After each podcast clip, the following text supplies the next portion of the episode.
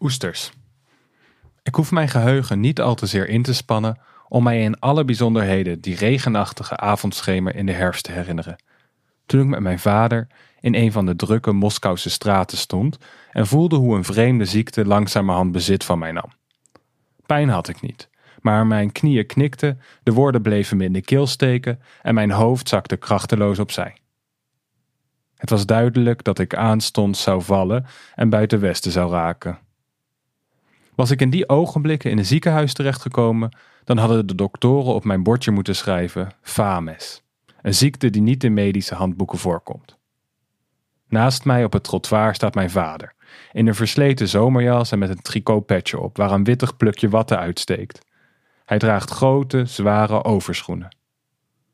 Ijdel als hij is en bang dat men zal zien dat hij de overschoenen aan zijn blote voeten draagt, heeft hij een paar oude laarzenschachten over zijn schenen getrokken. Die arme, zullige zonderling, van wie ik meer gehouden naarmate zijn vattige zomerjas rafeliger en vuiler wordt, is vijf maanden geleden in de hoofdstad aangekomen om een baan als klerk te vinden. Al die vijf maanden heeft hij door de stad gestrompeld, werk gezocht. En pas vanochtend heeft hij besloten de straat op te gaan om te bedelen. Tegenover ons staat een groot huis met twee verdiepingen en een blauw uithangbord. Café, restaurant. Mijn hoofd hangt een beetje naar achteren en opzij en ik kijk onwillekeurig omhoog, naar de verlichte ramen van het café. Door de ramen zie je menselijke figuren bewegen. De rechterkant van een orkestrion is te zien, twee oleografieën, hanglampen. Als ik door een van de ramen naar binnen kijk, zie ik een witte vlek schemeren. Hij beweegt niet en steekt met zijn rechthoekige vorm sterk af tegen de verder donkerbruine achtergrond. Ik span mijn ogen in en begrijp dat de vlek een wit mededelingenbord is. Maar wat erop staat, dat kan ik niet lezen. Een half uur lang wend ik mijn ogen niet van het bord af. Door zijn witheid trekt het mijn blik aan, het hypnotiseert me als het ware. Ik tracht de tekst te lezen, maar mijn pogingen zijn vergeefs. Ten slotte krijgt de vreemde ziekte de overhand. Het geratel van rijtuigen begint op gerommel van onweer te lijken. In de stank van de straat onderscheid ik duizenden luchtjes. Mijn ogen zien in de cafélampen en de straatlantaarns verblindende bliksemschichten. Alle vijf mijn zintuigen zijn gespannen en functioneren abnormaal intens. Ik begin dingen te zien die ik nooit eerder gezien heb. Oesters, onderscheid ik nu op het bord. Wat een vreemd woord.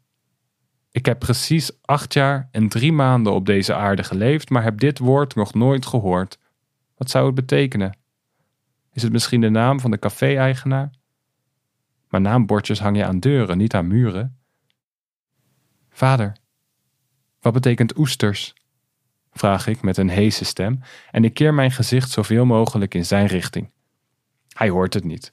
Hij staart naar de bewegingen van de mensenmenigte en volgt met zijn ogen iedere voorbijganger. Aan zijn ogen zie ik dat hij die voorbijgangers iets wil zeggen. Maar het woord waar het om gaat hangt, als een zwaar gewicht, aan zijn trillende lippen en komt er maar niet van los. Hij loopt zelfs een voorbijganger achterna, raakt zijn mouw aan. Maar als de ander zich omkeert, zegt hij: Pardon, raakt van zijn stuk en deinst terug. Vader, wat betekent oesters? herhaal ik. Dat is zo'n beest, leeft in de zee, ik stel me in een oogwenk dat onbekende zeedier voor. Het moet iets tussen een vis en een kreeft zijn. Aangezien het een zeedier is, maken ze natuurlijk heel lekkere hete vissoep van met geurige peper en laurierblad en iets wat zure saljanka met kraakbeen en kreeftensaus of een koude schotel met mierikswortel. Ik stel mij levendig voor hoe men dat dier van de markt thuis brengt, het vlug schoonmaakt, vlug in een pan doet, vlug, vlug, vlug, want iedereen wil eten, iedereen heeft enorme trek. Uit de keuken komt de lucht van gebakken vis en kreeftensoep. Ik merk dat die geur mij verhemelte, mijn neusgaten prikkelt, dat hij langzaam mijn hele lichaam in bezit neemt. Het café, vader, het witte bord, mijn mouwen, alles ademt die geur. Zo sterk dat ik ervan begin te kauwen.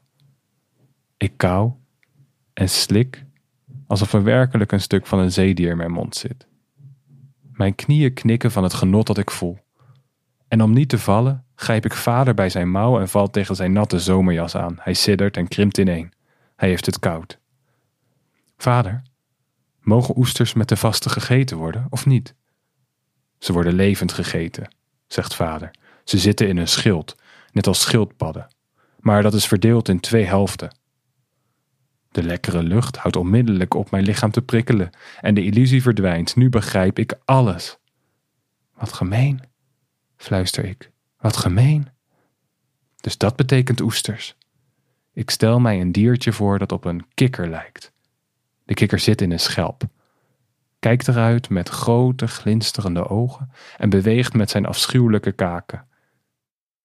Ik stel me voor hoe dat beest in een schelp van de markt wordt gehaald, met scharen, glinsterende ogen en een glibberige huid. Alle kinderen verstoppen zich.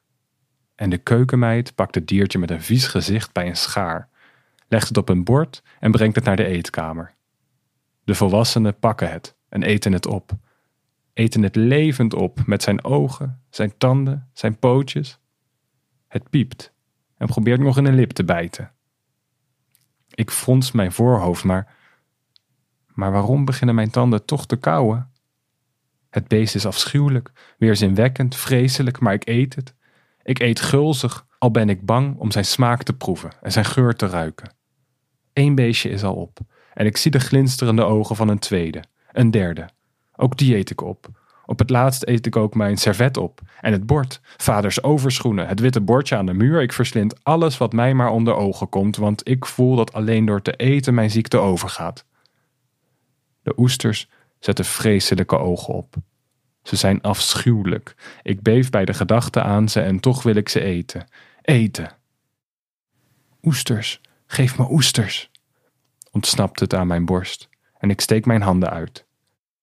Help me, dames, heren, hoor ik op dat moment de doffe, gesmoorde stem van mijn vader.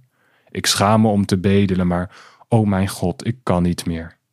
Geef oesters, roep ik, en ik trek vader aan zijn jaspanden. Eet jij al oesters, zo'n klein joch? hoor ik een lachende stem naast me. Er staan twee heren met hoge hoeden op voor ons. Ze kijken mij lachend aan. Eet jij oesters, kereltje? Werkelijk? Dat is interessant. Hoe eet je die dan? Ik weet nog dat een sterke hand mij naar het verlichte café trok. Even later stond er een hele groep mensen om mij heen die nieuwsgierig en lachend naar me keken. Ik zat aan een tafeltje en at iets slijmerigs, zout, dat naar vocht en schimmel rook.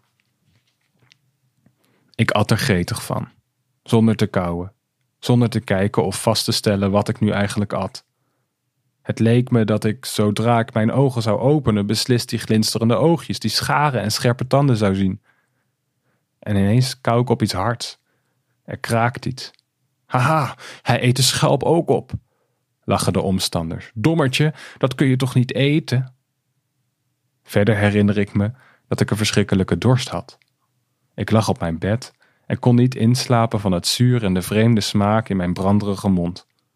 Mijn vader loopt op en neer en gesticuleert. Ik heb blijkbaar kou gevat, mompelt hij. Ik voel zoiets in mijn kop.